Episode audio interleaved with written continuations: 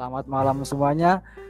Kembali lagi bersama kami di podcast ngetes yaitu Ngobrol Tech bareng Confess. Asik. Nah, sekarang kita ini udah di episode keberapa nih Jahe? Di episode ke-22. 22. Eh by the way, by the way, by the way. Uh, kita Hmm? belum kenalan nih sama audiens-audiens kita. Oh iya benar. Ah, kenalin nih Sobat Digivelas. Uh, gua Rashid, bisa dipanggil Rashid yang bakal uh, ngepodcast bareng Jahe. Coba Jahe kenalin diri dulu ya. Oke, jadi Rashid bakal ditemenin sama aku, Jahe, yang akan ngisi podcast ke-22 ini. Nah, kira-kira kita malam ini pengen bahas apaan sih? Uh, Em, gimana ya, lebih ke sebenarnya Jahe mau cerita dulu nih. Jadi sebagai pengguna website nih, Jahe tuh kayak gimana ya, ada keresahan itu, ada keresahan gitu kayak sebagai pengguna website entah untuk hal pendidikan, untuk belanja atau nyari-nyari informasi. Dan mungkin beberapa dari teman-teman Digitalas juga pernah ngerasain apa yang Jahe rasain di mana kayak suatu website yang kita kunjungin itu kayak nggak enak lah untuk dipakai untuk yang kalangan remaja ya. Tapi eh, giliran kita tanya ke ibu-ibu atau bapak-bapak yang umurnya jauh di atas kita, mereka terkesan ya udah nyaman-nyaman aja gitu. Nah mungkin dari situ bisa kelihatan ya kayak company-nya tuh mau user mereka di kalangan umur berapa atau target pasar mereka tuh berapa. oh bener banget tuh. Kayaknya emang apa ya? Gue tuh pernah denger uh, kayak quotes gitu sih, bahwa kita tuh harus membuat produk untuk customer kita, bukan kita nyari customer buat produk kita ya nggak sih? Iya bener banget. Nah, Itu quotes-nya, aduh lupa cit. kayaknya Tapi, gue ya, kalau nggak salah Seth Godin atau siapa gitu. Wis, mantep Nah, banget buat quotes-nya. buat bahas uh, tentang keresahannya Jahe ya dan juga mungkin uh, sobat Digivelas mungkin juga pernah mengalami apa yang Jahe rasain. Kita langsung aja ya uh, kita berbagi informasi uh, terkait hal-hal tadi dengan narasumber yang pastinya keren-keren gak sih? Sama yang ahlinya Sama yang ahlinya. Nah, Bener. nah, pada malam ini kita kedatangan narasumber nih teman-teman semua. Siapa tuh? Kepada Kak Kevin, dipersilakan Kak. Halo Kak Kevin. Halo, Halo, halo, halo. Wah, mantap nih. Kita malam ini kedatangan Kak Kevin Setiawan dari GoPay. Yoi. Halo semuanya. Thank you nih udah diundang sama teman-teman Confess. Baru pertama kali join podcast gini. Gak apa-apa nih Kak. Nah, mungkin Semoga kita jadi pengalaman yang baik ya Kak. mantap. Mungkin kita ini dulu ya, eh, kenal-kenalan dulu nih kan eh, Sobat Divelas mungkin eh, belum terlalu kenal sama Kak Kevin kali ya. Kita kenal-kenalan dulu nih. Iya bener. Kita Nah, kenalan kalau- dulu deh. Ah, ah, kalau boleh tahu nih Kak, eh, Kakak itu awal mulanya bisa terjun atau bisa apa ya, mendalami dunia itu tuh gimana sih Kak awal mulanya? Apakah Kakak emang udah passion dari awal atau Kakak mungkin mau ikutin arus gitu kan? Gimana nih Kak? Ya ini menarik sih. Em, kebetulan kan gue angkatan 2013 ya. Eh, dulu tuh pas zaman-zaman baru lulus sebenarnya belum tahu nih eh, mau nempuh karir sebagai apa gitu kan. Dan sebelum gue lulus juga gue Hmm. ada internship di di Gojek tapi nggak berkaitan sama data banget nih lebih ke operation gitu kan nah terus juga juga backgroundnya sebenarnya nggak yang data banget eh, tapi ngertilah eh, bisnis itu gimana sih karena kayak banyak ngikutin lomba-lomba internasional maupun internasional pas eh, zaman kuliah dulu gitu kan. Jadi kayak walaupun nggak data banget tapi ada interest ke bisnis gitu. Dan kebetulan pas zaman itu ada lowongan sebagai business intelligence di GoPay. Eh, salah satunya ya udah coba di apply deh terus kebetulan diterima gitu. Widih, keren banget gak sih Jahe? Pengalaman dari Kak Kevin. Asli, iya. Parah. Wow, Berarti langsung. Awal mulai itu Kakak emang nggak ada apa ya, nggak ada niatan atau mungkin plan buat join atau mungkin menggeluti dunia bisnis intelligence kayak?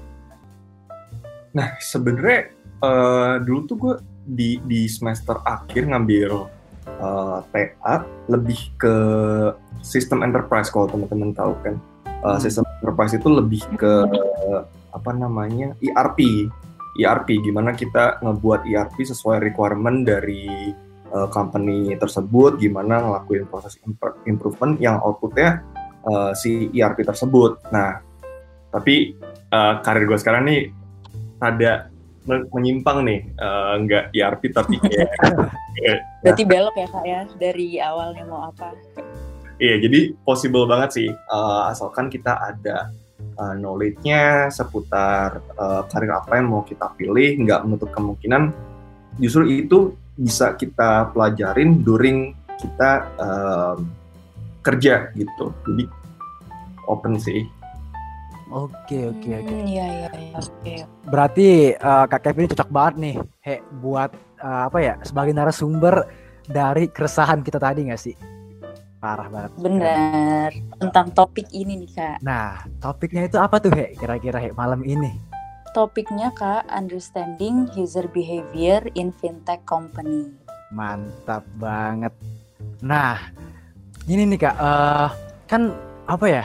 seperti yang tadi Jahe resahin kan kadang uh, seperti yang quotes tadi juga bahwa kita sebagai apa uh, company atau uh, produ produser atau produsen itu harus mem uh, memandang customer ya bikin produk nah tapi okay. kan tadi uh, apa ya banyak banget customer customer yang berbeda latar belakang tuh kan ada yang dari orang tua ada yang dari anak-anak kecil dan pasti kelakuan kelakuan mereka tuh beda-beda nggak sih nah iya yeah.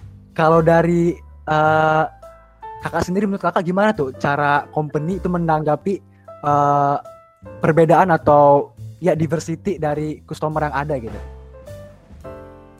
Kayak yeah. menanggapi si behavior yang berbeda-beda ini gitu kak? Iya, yeah, sekarang kalau kita berbicara dengan um, software gitu ya, uh, outputnya hmm. tadi seperti bilang website ataupun uh, sekarang banyak yang memanfaatkan channel-channel digital, terus juga pada larinya ke mobile app. Nah, sekarang gue mau coba bahas hmm. kenapa sih trennya itu uh, para company ini uh, dan startup itu ngebangunnya dari segi uh, mobile app gitu kan.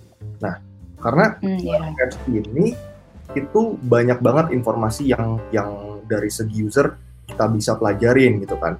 Uh, kayak mulai sesimpel kapan customer tersebut ngeklik suatu button, uh, terus juga berapa lama dia stay di suatu page. Nah itu berpengaruh banget tuh hal-hal seperti itu yang yang nantinya kita amati, kita lihat behavior si customer, sehingga uh, kita bisa tarik kesimpulan atau mungkin uh, kita kategorisasiin uh, berdasarkan segmen-segmen tertentu gitu. I see, I see. Mm. Berarti setiap kelakuan dari user tuh ada nilai tersendiri ya bagi company uh, kayak. Betul banget. Uh, segala macam aktivitas yang dilakuin oleh customer, uh, kita biasa nyebutnya mungkin dari front end activity gitu ya. Uh, Karena front end sama back end itu kan sesuatu yang beda tuh. Uh, front end lebih kayak gimana si app kita interact with the users, uh, kayak back endnya we know uh, from the transaction perspective whether the customer itu jadi ngelakuin transaksi atau enggak, terus uh, berapa kali ngelakuin transaksinya. Nah itu biasanya kita uh, nge-recordnya di back end. Nah, jadi ada dua sisi nih sekarang front end ataupun back end. Nah itu beda juga tuh keperluannya masing-masing. Oh gitu kak. Nah menurut ini uh, tadi kan kita udah bahas kayak front end dan back endnya nih kak. Nah kira-kira uh, kalau kakak kan sebagai seorang bisnis intelligence analis nih, kira-kira yep. uh, apa ya kayak mungkin uh, kerjanya kakak itu yang berhubungan dengan hal-hal yang terkait dengan user behavior itu kayak gimana sih kak? Terkhusus kakak yang kerja sekarang di GoPay gitu. Kita hmm. penasaran nih. Menarik, menarik. Iya, kalau kita ngomongin role kayak jadi BI analis, uh, sebenarnya kayak nggak pernah sepi project sih. Uh, pasti ada aja yang kita bisa explore dengan dengan uh, data-data yang di-generate dari user karena emang se-rich itu data uh, khususnya dari platform Gojek sendiri ya. Uh, terus juga kita sebagai BI analyst itu juga ada beberapa stakeholder dan dan stakeholder itu beda-beda gitu. Jadi kayak kebutuhannya berbeda. Nah, kalaupun itu nggak ada, kita bisa banget nih munculin inisiatif-inisiatif yang uh, datangnya dari kita sebagai analis sendiri. Nah, jenis tasnya yang dihandle BI itu seperti apa? Uh, kita end to end banget nih, mulai dari pre-processing, uh, data ETL gitu ya teman-teman tahu, uh, extraction, transformation, and loading. Terus juga outputnya bisa jadi dashboard, reporting, uh, analisis, customer segmentation. Nah, gitu sih. Oke oke oke. Lanjut ya. Nah tadi uh, kayak uh, gue, aku kayak denger tuh kayak dari BIC itu kayak bisa melakukan apa ya inisiatif-inisiatif ya kak terkait uh, job mereka sendiri tuh. Kira-kira kalau misalnya inisiatif apa tuh yang kira-kira bisa dilakukan oleh seorang BI kak? Kan uh, seorang BI kan pasti bekerja di bawah mungkin manajernya ya. Dan apakah inisiatif itu tuh harus mungkin perizinan dari manajernya dulu atau bisa uh, manajer memberikan keluasan kebebasan bagi seorang BI analis untuk melakukan inisiatif mereka gitu? Nah, kalau di startup sih karena emang culture-nya ya uh, yang open banget, jadi kayak segala inisiatif tuh bisa banget uh, sifatnya bottom bottom up. Uh, jadi kayak kita misalkan lagi kepikiran ngebuat segmentation apa nih gitu kan. Uh, asalkan ide tersebut dapat buy-in dari si stakeholdernya, uh, kayak si si stakeholdernya itu emang butuh dengan segmentation misalkan kasusnya ini, uh, ya kenapa enggak kita kerjain? Jadi kayak nggak harus dapat approval dari si manajer, tapi kayak yang pasti tuh harus ada kebutuhan dari si stakeholder. Oh gitu kak. Kalau gimana ya kak ngomong-ngomong tentang fintech company ini sendiri nih kak, um, kehidupan atau lingkungan kerja di sana tuh gimana sih kak? Maksudnya uh, kayak teman-teman di Gvelas mungkin ada yang mau magang di sana gitu kan kak. Terus kita mau tahu tentang pace kerjanya tuh beda nggak sih sama company-company yang lain? sih ya um, I think kalau untuk culture sendiri um, GoPay atau startup kurang lebih culture-nya uh, hampir sama kayak yang open banget uh, kita bisa belajar dari satu sama lain uh, di satu divisi yang sama maupun di divisi yang berbeda gitu kan uh, kalau kita misalkan kerja sama sama uh, PM nih ya kan kita mau tahu uh, di luar skopnya BI itu kayak gimana sih tim produk ngebangun suatu fitur. Nah itu bisa banget. Jadi kayak uh, kita mau belajar apa nih di startup tuh menaungi banget sih uh, kita untuk terus belajar uh, apa yang ingin kita ketahuin gitu. Berarti uh, lingkungan di startup itu kayak terus berkembang gitu ya kayak? Iya dong. Always up to date itu. Hmm, oke okay, oke. Okay. Tapi gue ada ini loh, ada hal yang menarik nih. Tadi kan Kak Kevin bilang nih kayak uh, mungkin di bidang A bisa nih kayak ekspor atau mempelajarin hal-hal yang dilakukan oleh bidang lain kan. Nah, yep. banyak gak sih Kak kira-kira dari mungkin karyawan karyawan-karyawan dari fintech company sendiri, mungkin go, uh, dari Gojek dan GoPay yang awalnya mungkin dia uh, kerjanya di bidang A, terus tiba-tiba karena dia tertarik di bidang lain terus tiba-tiba belok gitu sering nggak kayak gitu iya ini uh, di di startup sendiri setahu gue sih uh, menaungi untuk setiap aspirasi uh, employee-nya ya kayak misalkan kita lebih tertarik dengan uh, maksudnya setelah setelah kita sekian lama jadi BI terus kayak ngeliat uh, salah satu posisi yang kayaknya menarik banget nih terus kayak mau transfer internal tuh sebenarnya open banget gitu. Nah dari BI sendiri juga sebenarnya uh, kita nggak melulu uh, ngerjainnya tuh di yang itu itu aja gitu. Jadi kayak uh, di BI itu kita ada yang namanya juga pot gitu kan. Uh, pot itu basically kayak si pot ini main stakeholdernya siapa. Nah, ada yang stakeholdernya bisnis, uh, ada tim dari produk, ada tim growth, ada tim uh, risk and cost sendiri gitu. Jadi sebenarnya dari sebagai DI itu kita juga bisa banget nih belajar yang uh, dari salah dari berbeda divisi gitu. Wah, lah berarti emang di startup tuh kita bisa bebas lah ya buat mengekspor atau meningkatkan skill-skill yang ada dalam yeah. diri kita ya kak. Iya tentunya. Khususnya di Gojek ya. Jadi teman-teman kalau mau uh, intern di Gojek atau nanti di Gojek boleh banget sih. Sangat oh. Mantap mantap. Mungkin ntar Sabi nih abis ini langsung kita apply intern di Gojek. aduh aduh aduh. Oke seru sih ngeliat pace-nya dan environment-nya di Gojek itu sendiri. Iya, terus gue juga pernah kayak apa ya denger kalau misalnya di Go, di startup itu apalagi Gojek kayak ada ruangan buat main PlayStation atau ya ruang rekreasi gitu gak sih kak? Atau gue salah info nih? Iya, jadi kalau teman-teman penasaran, uh, ya, tapi sekarang lagi COVID juga ya, jadi kayak nggak. Lagi COVID iya. Iya. Um, oh berarti from home semua ya kak? Gimana? Berarti work from home semua atau gimana kalau lagi kayak gini?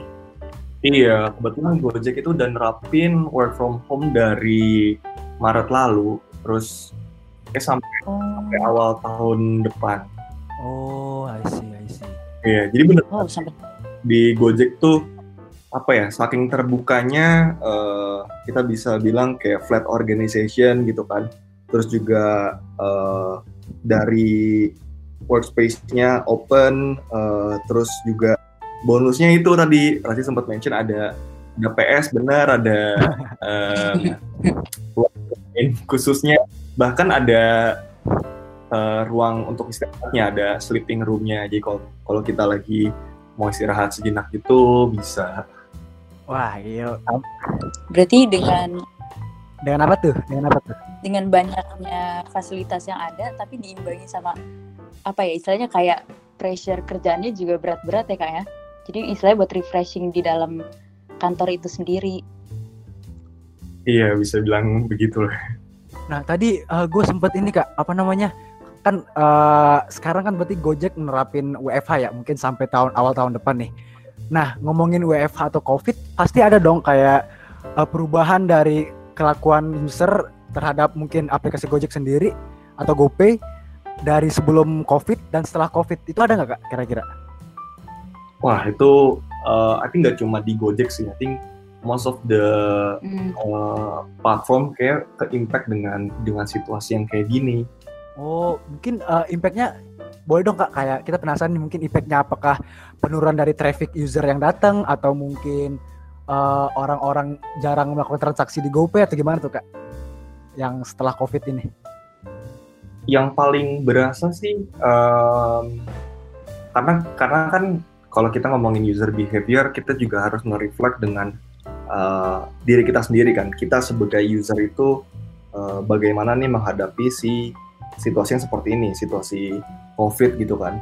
Nah uh, kita bisa ngelihat perubahan uh, service yang dipilih sama si customer nih ya kan. Yang mungkin uh, teman-teman yang kerja biasanya menggunakan Gojek itu sebagai uh, transport ya kan yang servisnya transport dia bolak-balik uh, ke stasiun terus ke kantornya itu pakai GoRide atau GoCar.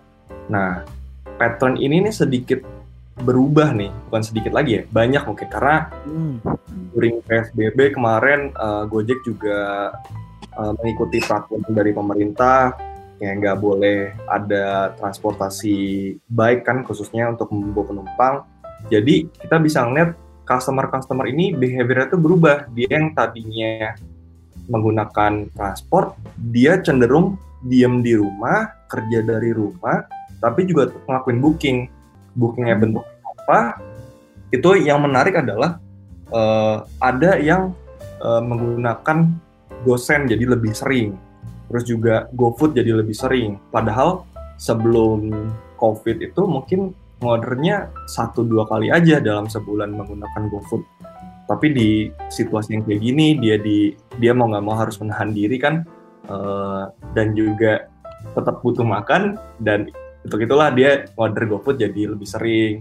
Terus juga Gosen yang menarik nih Gosen uh, kita ngelihat kalau banyak masyarakat Indonesia tuh yang ternyata nggak cuma diam dengan situasi yang ini gitu kan. Dia ngebuka uh, peluang uh, buat mereka berbisnis. Nah, mereka memanfaatkan servis Gojek khususnya yang Gosen itu untuk bisnisnya mereka either nganterin makanan atau nganterin apa gitu kan uh, itu sih yang kita lihat dari dari segi datanya.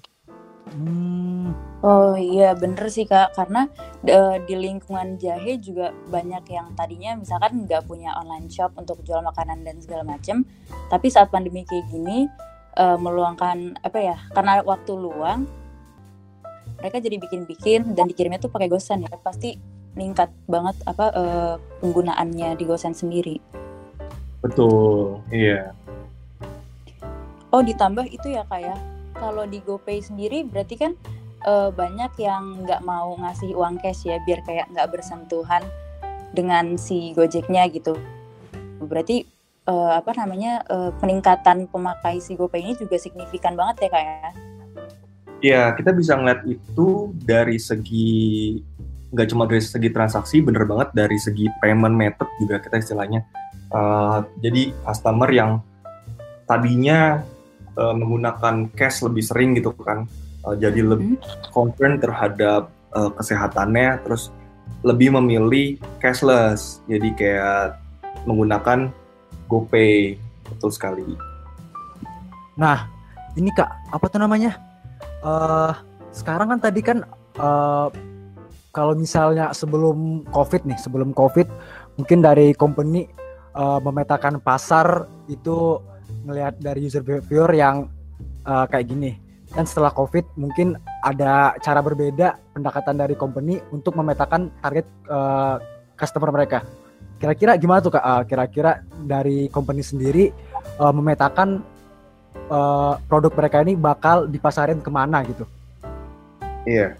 Um, kalau dari kita sebagai business intelligence analyst gitu ya uh, di kerja sama-sama beberapa stakeholder, uh, kita juga sebenarnya kerja closely sama research nih. Jadi BI nge-support dari segi kuantitatif, uh, kita gabungin juga dengan effort dari tim research yang uh, lebih ke kualitatif gitu kan. Jadi benar-benar kita understand the customer tuh very end to end gitu ya, uh, kuantitatif dan kualitatif.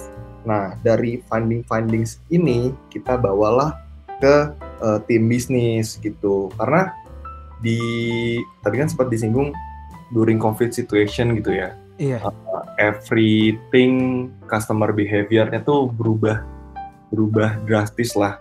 Jadi kayak dari kita juga akhirnya ada inisiatif nih untuk ngelakuin yang namanya EDA, ya kan, exploratory data analysis. Karena dari segi behavior user kita belum pernah ngamatin nih sebelumnya uh, bakal terjadi kayak gini. Jadi bener-bener nge-develop uh, from zero gitu ya, uh, sama-sama sama-sama dengan tim research, uh, terus juga konsult terus dengan tim bisnis biar lebih align ke apa sih yang lebih relevan uh, menurut tim bisnis. Jadi emang analis uh, di BI ataupun research memang role support banget uh, cuma kayak decisionnya itu selalu dari tim bisnis. Hmm, oke okay, oke okay, oke. Okay. Nah terus gini kak, uh, berarti uh, kalau misalnya dari yang aku tangkap nih, berarti dari company itu uh, buat apa ya menyesuaikan produk mereka ke customer itu berarti sangat bergantung pada apa ya, kayak feedback atau kelakuan dari user terhadap aplikasi mereka kan kak? Yes, benar sekali. Nah, kira-kira ada nggak kayak mungkin uh, indikator-indikator atau faktor-faktor di luar itu kak yang menjadi bahan pertimbangan dari uh, company untuk menentukan produk mereka? Atau mungkin dari Gojek sendiri mungkin akan survei atau gimana gitu kak? Nah, itu adalah ranahnya dari research. Jadi dari BI kita ngelakuin analisis dari segi internal, how the customer uh, interact with our platform, Nah, untuk mm-hmm. questionnya uh, yang lebih sifatnya kualitatif itu kita minta tolong ke tim research. Jadi benar-benar collaboration gitu. Uh, karena emang di startup kan culture-nya kita bisa kerjasama dengan tim lain uh, untuk ciptain goal yang sama-sama uh, menciptakan analisis dari customer behavior tuh yang benar-benar end to end. Hmm, berarti uh, dari yang kakak tadi bilang, si BI ini tuh bisa berkolaborasi juga sama tim untuk yang marketingnya gitu-gitu ya kak ya? Karena kan iya. user behaviornya juga nanti habis dianalisa pasti kan ditindaklanjuti lagi tuh lebih jauh. Yap, bener banget. Jadi kayak setiap dashboard, setiap report analisis yang BI uh, buat itu kita konsult dulu nih ke tim bisnis karena kan kita udah punya action plan-nya nih apakah action plan tersebut relevan uh, untuk di-execute sama tim terkait dari tim marketing dia mau ngebuat uh, iklan yang kayak gimana terus juga menggunakan uh, media yang seperti apa terus juga promosinya seperti apa gitu sih jadi ya bebas banget lah untuk bereksplorasi uh, sebagai biaya analis. Wah, seru juga nih kayak jadi biaya analis ya. tertarik Cid? ya, cukup tertarik kayaknya dari penjelasan Kak Kevin tuh aku jadi apa ya? Uh, ada inspirasi lah. Ternyata uh, dunia startup tuh nggak cuma soal-soal mungkin ngoding-ngoding aja gitu kan. Kan kita di sejauh ini kan ngoding doang nih. gitu. Baru ngoding. Baru ngoding. Nah, tapi ini kak dari kelakuan user nih, uh, kalau yang aku tangkap itu misal nih uh, saat user sering melakukan transaksi, berarti itu indikasinya uh, positif dong bagi company. Oh ternyata aplikasi kita banyak yang make nih. Atau misalnya uh, ketika user itu mengunjungi app kita dan mereka menghabiskan waktu lama di sana atau mungkin uh, searching atau scroll, wah semakin tinggi semakin lama waktunya berarti uh, apa semakin bagus dong app kita. Nah, ada nggak sih kak kira-kira kayak kelakuan dari user yang semak jika hal itu sering dilakuin, maka itu berdampak negatif pada uh, app kita gitu. Misal kayak apa ya? Kalau yang aku bayangin tuh ketika user uh, membatalkan transaksi, oh berarti ini kalau semakin banyak yang batal berarti uh, app kita kurang bagus nih. Kira-kira apa tuh kak indikatornya kak? Ya, salah satu uh, parameter kita mungkin kita lebih uh, istilah kerennya mungkin matrix kali ya uh, jadi emang matrix ah. itu uh, balik lagi ke objektif dari uh, perusahaan gitu kan uh, si Gojek ini objektifnya apa nih terus kayak matrixnya yang bisa di track apa gitu um, kayak misalkan transaksi oke okay, gimana kita uh, meningkatkan transaksi gitu kan. Tapi transaksi yang kayak gimana? Karena transaksi kan ada yang organik, yang nggak pakai promosi, sama ada yang anorganik kan. Uh, sorry, yang anorganik itu yang menggunakan promotion.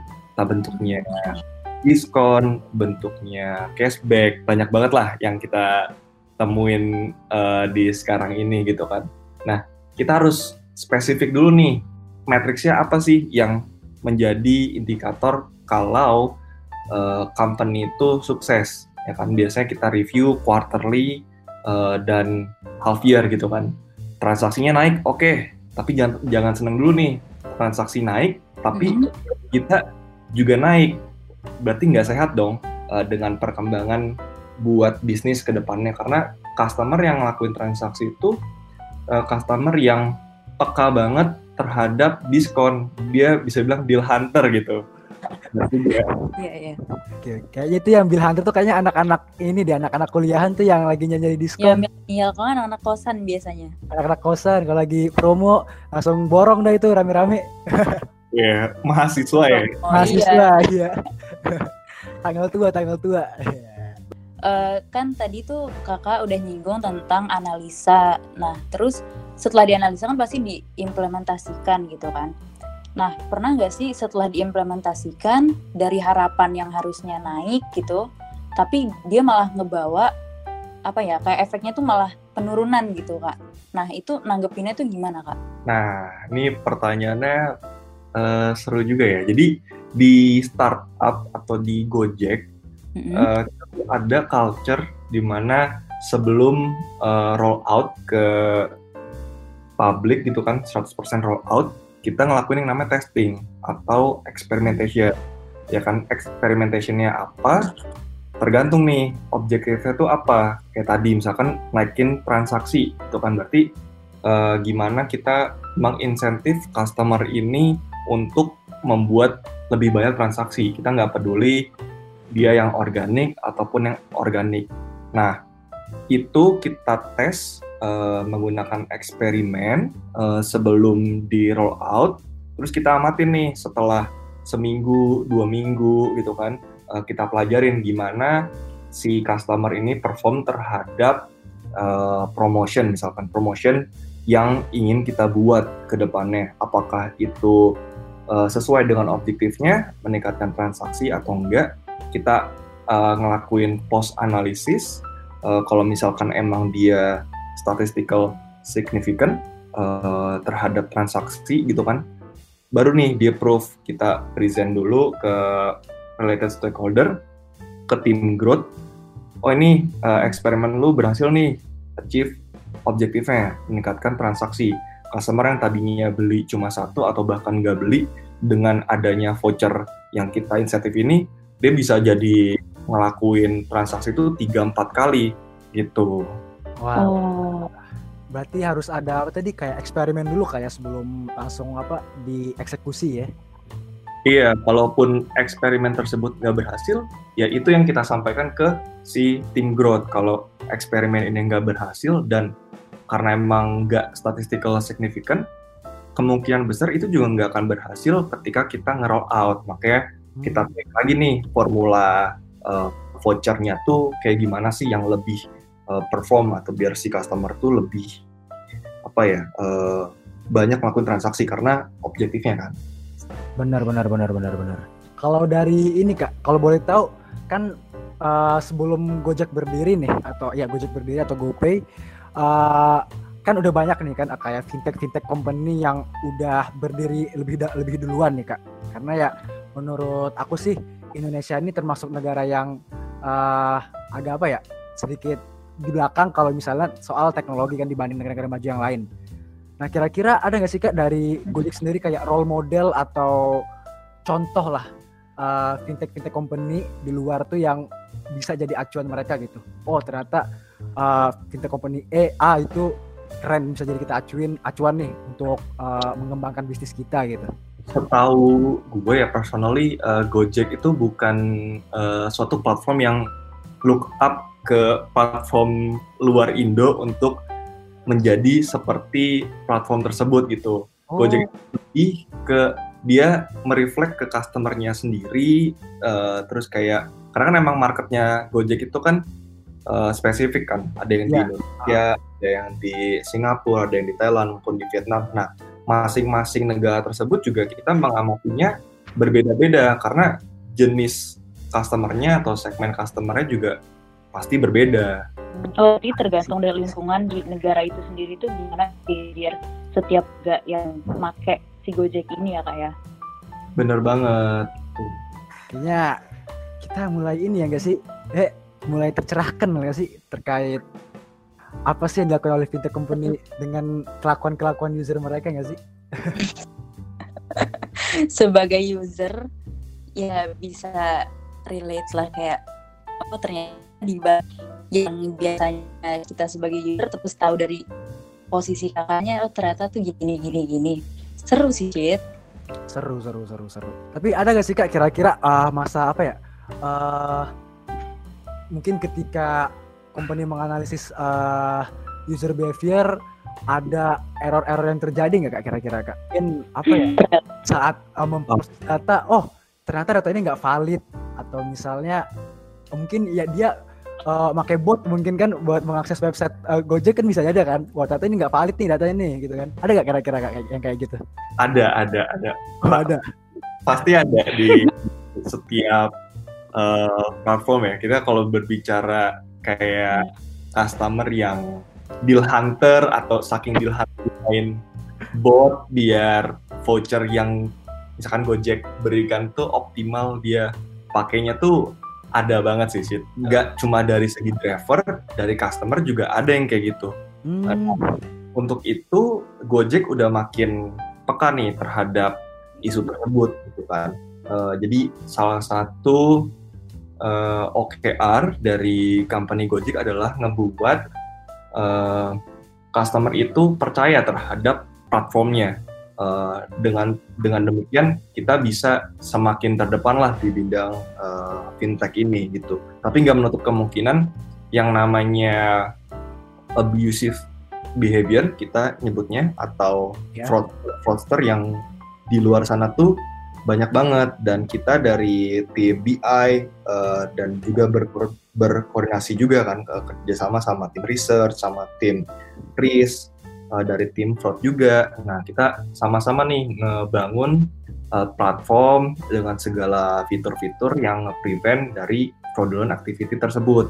Kayak gimana? Salah satu contohnya adalah uh, yang voucher tadi gitu kan uh, si customernya itu menggunakan voucher semuanya uh, terus jadi brandnya Gojek nih banyak banget nah itu itu salah satu jenis uh, abusive behavior lah terus juga fraudster fraudster yang yang terus mengintai uh, GoPay users nih uh, jadi kita harus lebih berhati-hati juga kalau misalkan nanti ada yang tiba-tiba stranger yang nelpon terus minta OTP gitu kan biar bisa mereka masuk ke akun kita. Nah itu yang lagi kita coba uh, buat fitur-fiturnya dan juga mengedukasi masyarakat uh, biar lebih peka lagi terhadap security uh, yang ada di platform Gojek. Oh, berarti hmm. dari pasti dong dari company itu kayak menjaga lah ya uh, tingkat kepercayaan uh, customer mereka kepada produk mereka kayak ya? Yes. Nggak cuma ngasih produk terus dibiarin gitu, pakai silakan. Terus kalau ada gangguan dibiarin enggak ya? Berarti langsung ditindaklanjuti ya kak segala sesuatu yang Yes, we are ya, yep, yep, betul. Soalnya uh, aku tuh apa ya uh, inget banget tuh awal-awal uh, waktu mungkin Gojek rilis awal-awal booming tuh kan uh, ada kayak driver hantu gitu yang apa atau mungkin dari driver sendiri yang pakai aplikasi ketiga buat uh, memperbanyak uh, kayak biar banyak narik pelanggan gitu kan. Nah, ini aku mikir kan Duh, ini kalau dari Gojek sendiri gimana nindakinnya? gitu kan. Ternyata emang udah ada uh, kontingensi plan-nya kak ya dari Gojek ya. Betul. Kita uh, always learning dengan apa yang di yang jadi hassle dari si user uh, tadi Rafid bilang uh, fake GPS nih drivernya tuh nitikin di satu sisi padahal uh, driver hmm. jauh gitu kan. Nah, dari tim BI kita kolaborasi sama tim DS untuk ngebuat model yang bisa nanti nge-prevent si order-order tersebut. Jadi customer tuh dapat driver yang lebih reliable. Jadi semakin yang udah pakai ya. Gojek. nah, ini Kak ngomongin tentang ya tadi user behavior, data, proses. Kira-kira kalau dari mungkin dari Kakak sendiri atau mungkin dari tim kakak kira-kira ada nggak kayak tools-tools yang atau mungkin uh, aplikasi-aplikasi yang kakak pakai buat memproses data tersebut kak? Kan pasti kalau misalnya kita pakai Excel doang kan capek tuh ya kalau memproses data kan. Iya kalau untuk tools kayaknya uh, di Gojek ataupun di startup lain mungkin beda-beda ya uh, kalau di tapi maksudnya tujuannya bakal sama gitu. Misalkan untuk data processing kita masih pakai Excel ya. Of course untuk kayak simple-simple uh, VLOOKUP atau cleansing data simple-simple gitu kita masih pakai sebenarnya. Tapi untuk yang mungkin tools utamanya adalah uh, BigQuery, uh, apa namanya database yang kita pakai sekarang untuk nge-store data-data Gojek gitu kan customer. Karena kita tahu tingkat reliabilitasnya tuh tinggi. Jadi kita bisa ngandelin si BigQuery ini uh, untuk apa ya menganalisa gitu. Terus mungkin juga disupport nih dengan tools-tools data visualization. Uh, kita biasa pakai Tableau, Metabase, kalau mau yang lebih uh, real time ataupun Google Data Studio. Terus dari sisi front end juga kita punya tools yang berbeda nih. Uh, kita bisa menggunakan Mix Panel ataupun Clever Tab. Jadi yang sempat kita mention di atas tadi uh, front end sama back end. Nah, itu beda-beda nih toolsnya. Nah, teman-teman di Gvelas tuh yang mau menggeluti bidang-bidang tersebut bisa tuh mempelajari apa ya eh, aplikasi-aplikasi tersebut yang udah kakaknya tadi sebutin. Wah, ini banyak banget nih uh, kayak info-info yang masuk ke kepala kepala gue nih. makin ingin ke apa menggeluti bidang ini ya. Iya makin bukan makin ingin sih makin bingung sebenarnya sih. Ini yang mana nih pengen digelutin nih? Gitu. Front end, back Front end, back end, BI atau apa nih?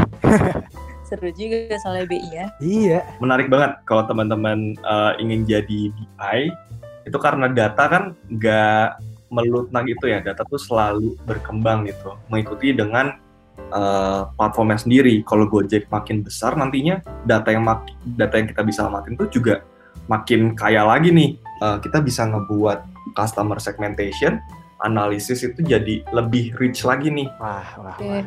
Kak, ngomong-ngomong tentang jadi BI ini nih Kak, pasti kan setiap job tuh ada uh, plus dan minusnya nih Kak. Boleh dong Kak di-share ke kita plus minusnya. Jadi BI itu apa biar teman-teman Digivelas tuh ya kira-kira lebih nyiapin lah kak kalaupun mau magang di situ tuh kayak gimana sih gitu. Bener banget. Plusnya apa ya? Oh, saking banyak ya karena karena gue uh, tiga tahun ngegelutin sebagai BI di GoPay sendiri itu eh, nggak uh, pernah ngerasa bosen sih. Uh, data data yang ada tuh selalu apa ya selalu bertambah lah jadi kayak variabel-variabel yang kita mau amatin itu apa ya uh, ter terus terchallenge gitu uh, dari segi apa yang kita bisa explore. Nah terus juga plusnya yang jadi BI kita nggak cuma improve di bidang hard skill gimana kita menganalisa gimana kita ngebuat data visualization tapi kita juga uh, di waktu yang sama kita juga bisa belajar nih gimana sih berkomunikasi dengan baik gitu kan dengan segala uh, dengan banyaknya dengan banyaknya stakeholder yang kita kerjasama gitu. Uh, ada dari tim bisnis ada dari tim strategi ada dari finance gitu kan produk. Nah masing-masingnya tuh punya bahasa mereka sendiri. Kalau uh, tim marketing atau tim bisnis gitu kan uh, lebih ke strategi-strategi yang support ke uh, transaksi misalkan. Tapi kalau finance itu gimana kita bisa menghemat uh, suatu biaya. Nah, komunikasi itu juga kita bisa improve nih uh, sebagai sebagai orang yang menaungi yang uh, role-nya BI gitu. Uh, itu positifnya sih. Nah. Berarti kalau yang positifnya itu uh, karena data yang terus up to date berarti uh, apa semakin terpacu untuk bikin inovasi-inovasi yang up to date juga gitu ya kak ya? Yes. Ya dan juga uh, karena datanya yang makin banyak terus juga uh, tools-tools yang uh, keep involved juga jadi yang tadinya mungkin kita Excel aja cukup yeah. itu jadi uh, kita harus belajar terus lain nih yang lebih menaungi kebutuhan kita kan. Makanya kita juga belajar R, belajar Python untuk lebih paham dari segi statistik apa sih yang sedang terjadi di customer gitu. Jadi kita bisa belajar tools-tools baru juga nih uh, setelah kita join sebagai business intelligence. Berarti positifnya dari BI untuk teman-teman Digivelas yang suka challenge-challenge ini sangat apa ya sangat fit banget ya untuk CBI ini ya. Bener banget. Kalau untuk dari sisi negatifnya gimana nih kak? Yang ya kira-kira ya gimana ya? Enak mungkin, gak enak sekali omongin ya? Ini kali apa pulang malam gitu kan. Capek. Oh iya jam kerjanya mungkin kak atau jam kerjanya kali. Apa mungkin kak? Kira-kira nih menurut kakak. Ya kalau negatifnya sih dibawa enjoy aja sih. Um, palingan kayak kerjaan kayak nggak ada selesainya. Karena kan um, banyak banget nih yang bisa dieksplor gitu kan. Kita udah menghasilkan analisa uh, ini terus kita bawa ke stakeholder itu dia pasti ada pertanyaan-pertanyaan baru nih which is good gitu kan. Karena emang tujuan dari analisis itu mengenerate pertanyaan bagus yang uh, bisa lebih tap in ke si usernya atau output dari analisa tersebut gitu. Dan itu uh, hampir setiap analisis uh, dan juga jarang ada endingnya. iya ya karena terus terus berkembang ya kak datanya kak ya. Iya betul. Nah gini nih kak, Uh, kira-kira kalau misal mungkin sobat Digitalas ada yang pengen atau mungkin berkeinginan lah menggelutin uh, terkait bisnis intelligence nih. Kira-kira menurut kakak apa nih yang perlu disiapin oleh teman-teman kita sobat Digivelas untuk bisa menggelutin hal ini kak? Yang basic-basicnya aja juga nggak apa-apa sih kak. Yang penting ya ada bayangan dikit gitu. Oke basic-basicnya ya. Um, yang pasti teman-teman harus uh, punya sense of business uh, karena biasanya stakeholdernya BI itu bisnis dengan judulnya kan bisnis intelligence itu jadi harus peka terhadap bisnis terus juga uh, komunikasi mungkin gimana kita interact with our stakeholder uh, terus juga mungkin curiosity gimana teman-teman selalu pengen tahu terhadap apa yang sedang terjadi di di datanya sendiri. Terus juga kalau teman-teman ada uh, di segi hard skill gitu ya uh, udah jago banget nih data visualisasi menggunakan tools-tools tertentu itu menjadi bargaining power buat teman-teman ketika ketika apply sebagai BI karena kayak istilahnya udah siap lah untuk BI dengan segala tools-tools yang ada. Nah, lebih bagus lagi kalau teman-teman punya sense of uh, data yang kuat, ya kan? Uh, ditambah dengan statistik yang basic aja juga sebenarnya nggak nggak ada masalah gitu. Jadi ketika kita present ke stakeholder uh, dengan analisa kita, itu numbers yang kita bawa itu bisa diceritakan apa yang terjadi sebenarnya. What's behind the numbers? Oh, berarti selain uh, tips-tipsnya itu untuk jadi BI sendiri uh, senang untuk menganalisa sesuatu dan uh, apa ya mengimprove itu ya kayak ya. ditambah uh, harus apa ya istilahnya kayak memikirkan pertanyaan-pertanyaan yang datang dari yang nanti setelah kita present kan pasti nanti ada pertanyaan tuh. Nah kita juga harus udah mikirin ya kira-kira apa ya yang bakal mereka singgung-singgung uh, gitu ya kak. Ya, yeah, or at least kita bisa menceritakan uh, apa sih yang sedang terjadi, kenapa datanya tuh menunjukkan hal yang demikian. Yang penting tuh ini nggak sih eh, kita punya sense of business sama sense of data, yoi. itu harus balance tuh. Harus balance ya. Ntar kebanyakan bisnisnya ntar malah ngelupain data. Oke, okay, nah mungkin kita ini kali ya, uh, mungkin kita sedikit rekap kali ya. Apa-apa aja nih yang udah kita dapetin dari kita sharing-sharing sama Kak Kevin kali ya. Boleh. Nah, uh, dari yang gue dapetin nih, kita uh, uh, sebagai kan sejauh ini kan kita uh, sobat Digivelas mungkin uh, banyak bertindak sebagai user lah dari suatu aplikasi. Nah, kita uh, sekarang mungkin udah aware bahwa setiap dari yang kita lakuin dari kita ngeklik halaman, dari kita mungkin uh, menghabiskan waktu di halaman tersebut. Jadi atau enggak order. Uh, berarti banget bagi company atau perusahaan yang memiliki app tersebut untuk bisa memproses data tersebut ya. Iya, untuk dianalisa lebih lanjut. Analisa ya. lebih lanjut. Dan ternyata prosesnya itu tuh panjang gak sih ya? Nggak cuma ada data, uh, tak tak tok tok udah kelar. Ternyata nggak kayak gitu ya. Ternyata ada kayak kolaborasi antara divisi ini dan divisi ini, terus udah selesai kolaborasi, harus terjun ke lapangan juga untuk melihat langsung bener gak sih kayak gini dan segala macem. Iya, yeah. dan jangan lupa harus meet juga nih objektif dari kita ngelakuin analisa tersebut apa ya kan kalau nggak meet dengan objektifnya berarti kita masih ada yang kurang nih. Nah iya bener-bener bener. Yang pasti uh, jangan sampai apa yang kita lakuin terhadap uh, data yang ada itu uh, menjauh atau menyimpang dari tujuan atau objektif awal ya. Yes. Nah kemudian juga ini nih uh, buat teman-teman nih yang mungkin tertarik atau pengen terjun ke dunia bisnis intelligence. Nah jangan lupa untuk meningkatkan ya uh, sense of datanya, sense of business, dan mungkin juga bisa mulai buat belajar-belajar terkait tools-tools yang tadi mungkin disebutin oleh Kak Kevin, seperti Tableau, BigQuery, dan lain sebagainya.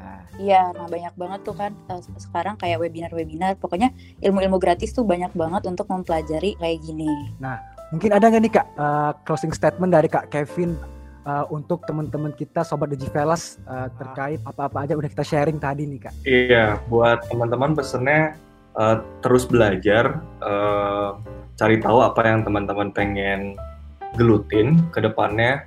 Terus juga jangan ragu untuk mencoba.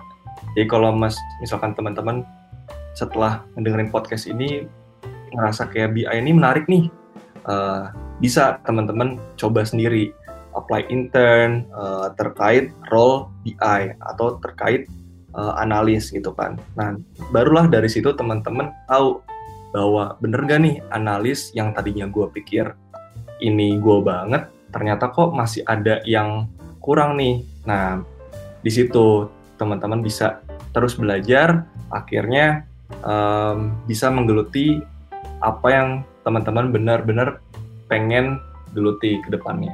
Wah, keren banget nih Kak. Berarti teman-teman kalau masih ada kekurangan-kekurangannya harus diimprove lagi nih untuk ya persiapan magang, persiapan kerja untuk nanti terjun di BI analis ini. Benar. Dan jangan lupa untuk jangan takut mencoba, ya nggak sih? Betul, betul sekali. Betul banget. Karena kebanyakan tuh kita tuh apa ya? Kebanyakan mikir, oh ternyata gue keterima nggak ya atau mungkin wah ini kerjanya berat banget nah kebanyakan negatif thinking ujung-ujungnya nggak nyoba dan nggak jadi Bener, udah kayak takut, takut duluan, duluan gitu. ya. iya bener bener bener oke tak terasa nih uh, sobat Jipelas kita udah berbincang panjang dengan Kak Kevin uh, mungkin kita berpamit dulu kali Jahe ya sebenarnya aduh masih banyak banget ya ilmu-ilmu yang bisa diambil dari Kak Kevin tapi berhubung waktunya sudah cukup lama dan apa sih dan ya uh, mungkin apa ya sebenarnya jujur gue juga pengen ini sih mengulik lebih lanjut nih uh, ilmu-ilmu dan informasi terkait uh, user behavior, business intelligence. Tapi ya karena ini udah cukup lama ya kita harus berpamit dulu nih sama Sobat Velas. Dan jangan lupa untuk terus menantikan podcast-podcast ngetes selanjutnya karena bakal terus update setiap seminggu sekali ya nggak sih? Betul banget setiap hari Sabtu ya teman-teman. Nah, uh, kepada Kak Kevin, uh, thanks banget nih Kak udah berbagi bersama aku dan Jahe dan juga Sobat Velas lain uh, thanks banget nih ke atas info-infonya. Uh, Masih banyak kak ini ilmunya sangat alas jadi biar. Thank you juga udah diundang. Mohon doa nih kak buat kami-kami uh, supaya bisa uh, sukses di ke depannya seperti kakak. Amin. Semoga bisa magang ya kak di sana ya kak. Iya di, di Gojek. Amin amin amin amin. Oke. Okay. Uh, Sobat Velas, uh, terima kasih untuk Sobat Velas yang udah mendengarkan podcast episode 22 kali ini tetap terus pantau podcast dari Kompes yaitu podcast ngetes yang bakal update terus tiap seminggu sekali pada hari Sabtu. Dan semua sosmed Kompes namanya Kompes. Dan jangan lupa ini Jahe, jangan lupa untuk daftar dan ikutan di Kompes Talks. Mantap banget. Wah, iya mantap ya banget. Juga. Wow, keren-keren loh. Ada banyak uh, narasumber-narasumber yang bakal mengisi di Kompes Talk mulai dari Sandiaga Uno, Bapak Bapak Menteri dan juga CEO dari Bukalapak. Nah, uh, akhir ya. kata uh, gua Rashid dan Jahe pamit juga dari episode 22 ini. Semoga podcast ini membawa banyak manfaat dan ilmu untuk teman-teman Digivalas yang dengerin. Oke, sampai jumpa di podcast selanjutnya ya. Sampai jumpa. Dadah.